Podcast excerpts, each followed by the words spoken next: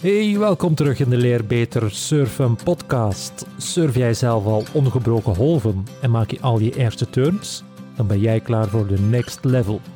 Mijn naam is Joachim Meijer en ik ben zelf een intermediate surfer die nog veel kan bijleren. In de line-up hang ik af en toe ook wel nog eens de koek uit en mijn turns zijn niet altijd even smooth. Om beter te leren surfen ga ik in elke aflevering langs bij surfcoach Daan Groeneveld van North Surf Trainer. Deze keer hebben we het over de bottom turn, of de moeder van alle surfmanoeuvres. Bekijk zeker ook de bijhorende foto's en filmpjes op de show notes. Je vindt die terug op de website www.surfcatalyst.be. Zo, geniet van deze podcast, deel ze met jouw surfbuddies en shred on! Hey Daan, blij om je terug te horen. Hoe gaat het daar in Nederland, man? Yes, leuk. Ehm, ja, het gaat, goed, het gaat goed hier in Nederland. We hebben net wat uh, golfjes gehad. Dat was hartstikke lekker. Ehm, en ja, laten we maar gelijk ook uh, beginnen met iets wat we, wat we wilden, wilden vertellen aan, via deze podcast aan de surf community, ook, ook in België. In Nederland is er een prachtige spot, die heet de, de Maasvlakte. En um, energiebedrijven die zijn nu van plan om um, windmolens neer te zetten. En dat zijn ze van plan om recht in de surf te doen. Uh, wat surfers en kitesurfers natuurlijk in gevaar brengt, maar ook uh, de prachtige golf uh, kapot zal maken.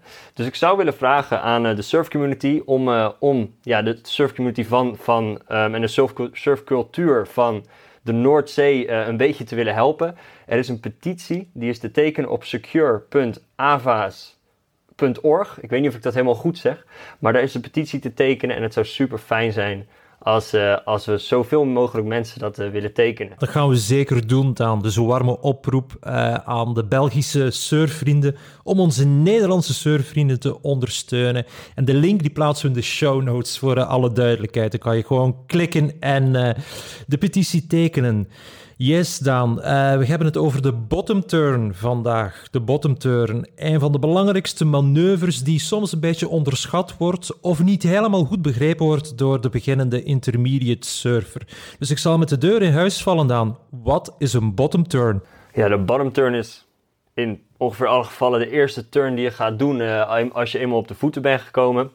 Uh, na je, je take-off ga je dus natuurlijk je, je pop-up gedaan. En dan vaak uh, moet je of snelheid gaan maken, daar gaan we het in de volgende podcast over hebben, of die bottom turn komt. En een bottom turn is de bocht die je onderaan de golf doet. Is super belangrijk voor hoe de volgende stappen van de golf eruit gaan zien.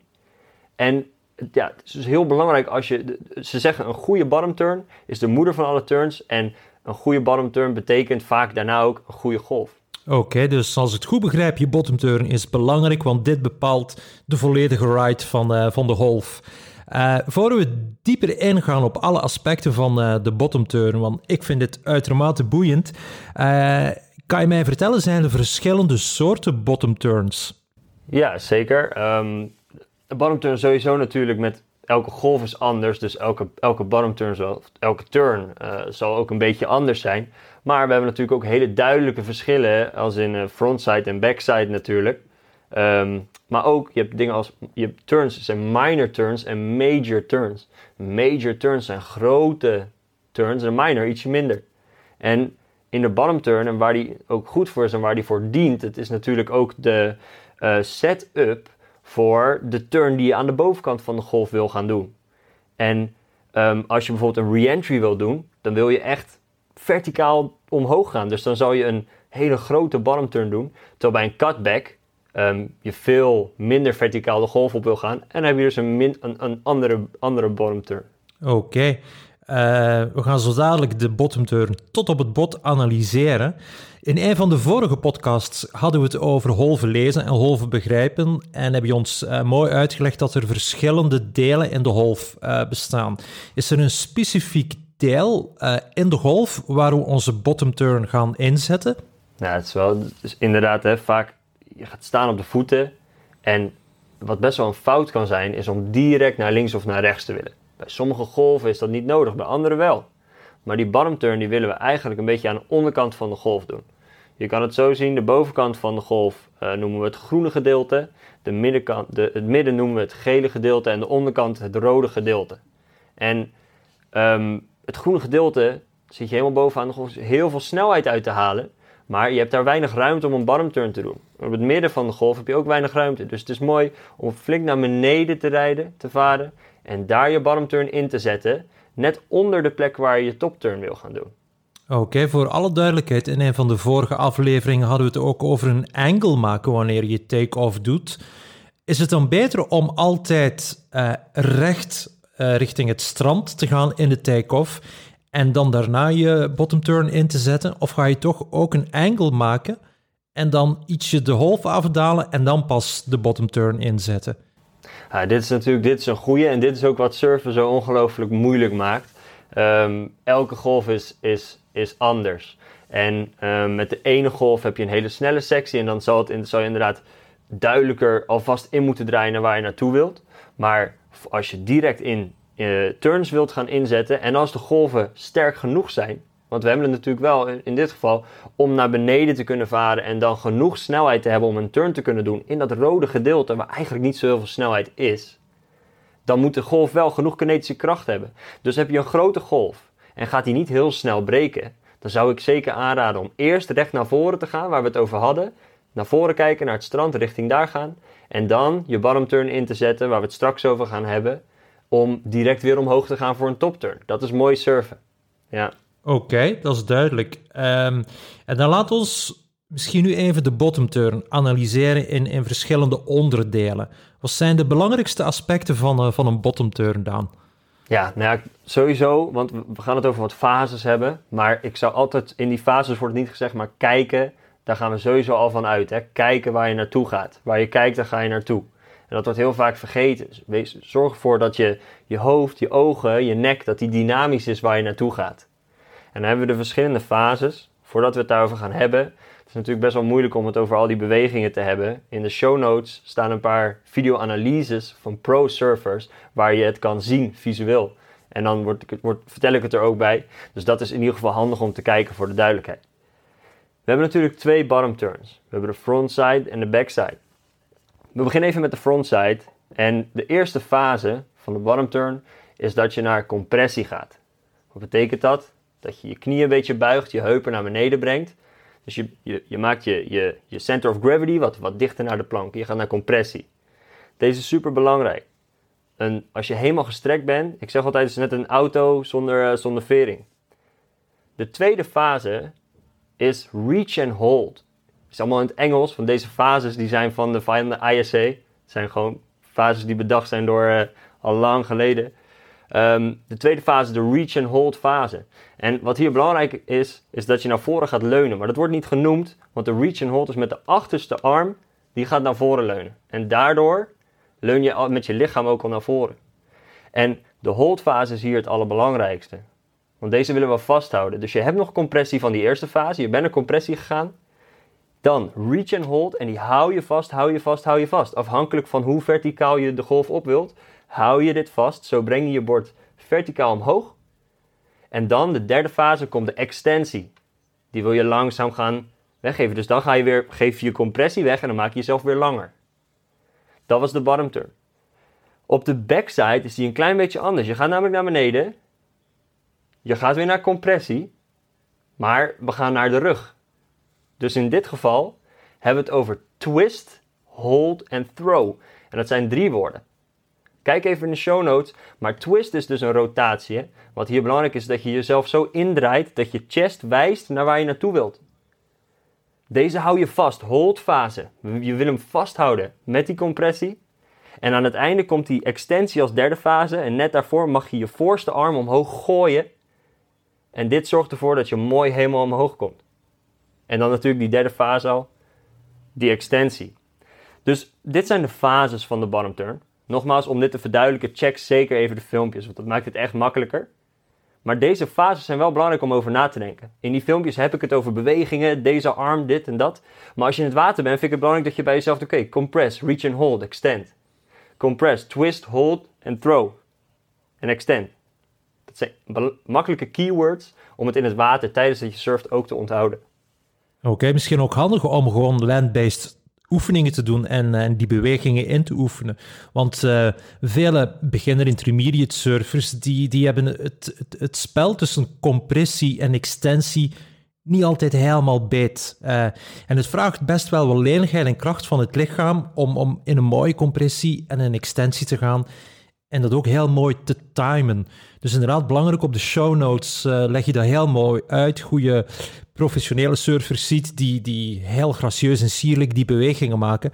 Alsof het niets inhoudt. Maar het vraagt natuurlijk best wel wat oefening om, om die techniek uh, onder de knie te hebben. Uh, heb je een aantal tips hoe je, hoe je op het land uh, kan oefenen?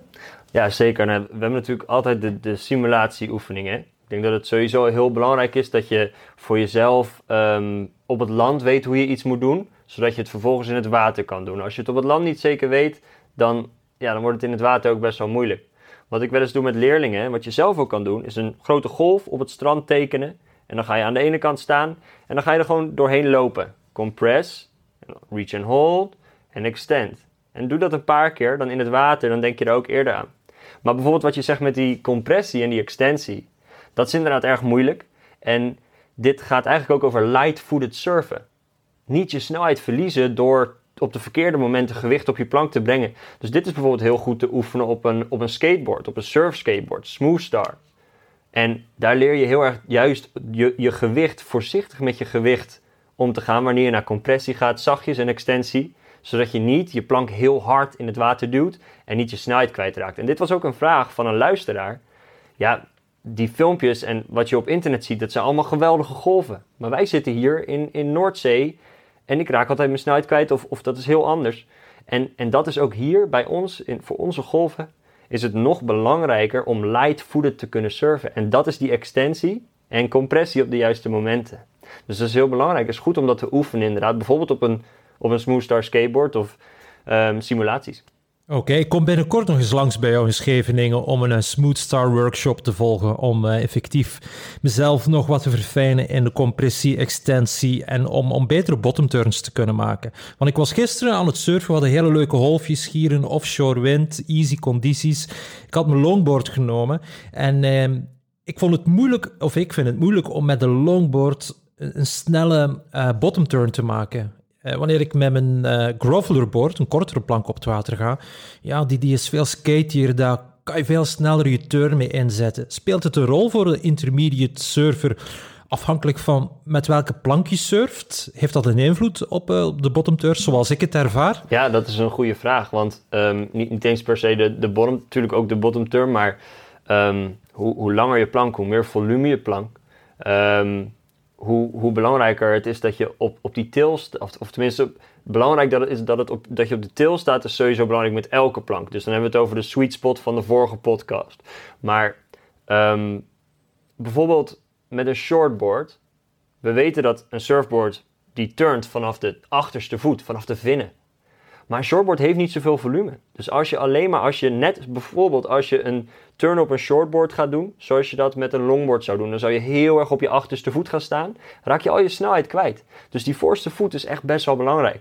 Terwijl op een longboard, misschien moet je iets grover, je gewicht echt boven die achterste voet zetten. En misschien als je gaat staan, even je voet net nog dat tandje verder naar achter zetten, zodat je je gewicht er nog meer op zet en dan echt met je tenen of je hiel het er doorheen te duwt. Terwijl op een shortboard dat veel te grove bewegingen zouden zijn. Dus dit, dit vertaalt ook naar denk de podcast die we hadden over planken kiezen. Een grotere plank zijn grovere bewegingen.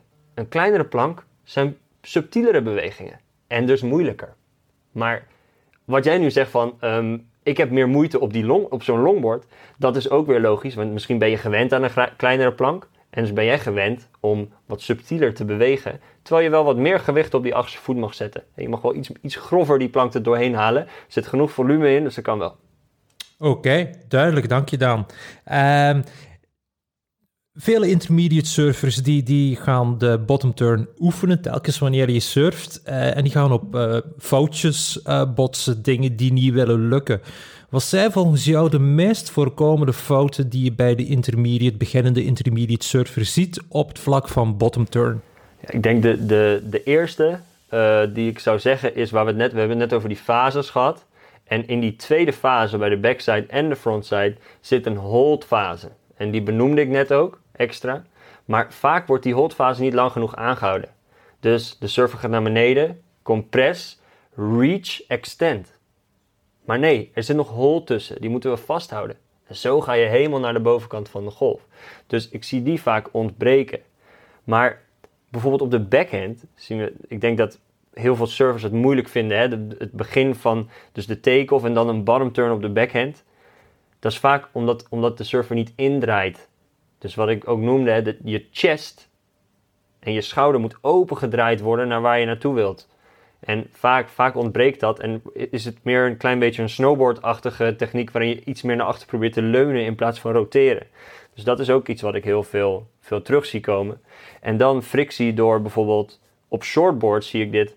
Ehm, te veel inderdaad op de backfoot waar we het net over hadden. En dan raak je je snelheid kwijt. Want dan doe je de achterkant van de plank gewoon in het water.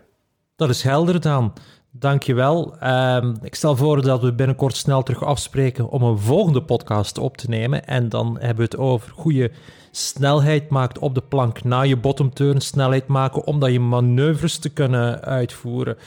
Um, nog eens een oproep aan alle luisteraars. Check onze show notes. Bekijk de filmpjes die uh, op de show notes staan. En uh, klik ook op de link om uh, de Surfboys in de Maasvlakte hart onder de riem te steken. En om die surfspot in ere te houden, zodat er nog lang kan gesurfd worden daar. Alright, Daan. Dat zou, dat zou geweldig zijn. Laten we een mooi fotootje van de Maasvlakte bij de link zetten. Als dat kan, dan is een prachtige golf. Laten we hem houden. Oké, super, schitterend. Dan kijken we naartoe uit en we zien elkaar de volgende keer terug. Hou je goed, man. Doeg!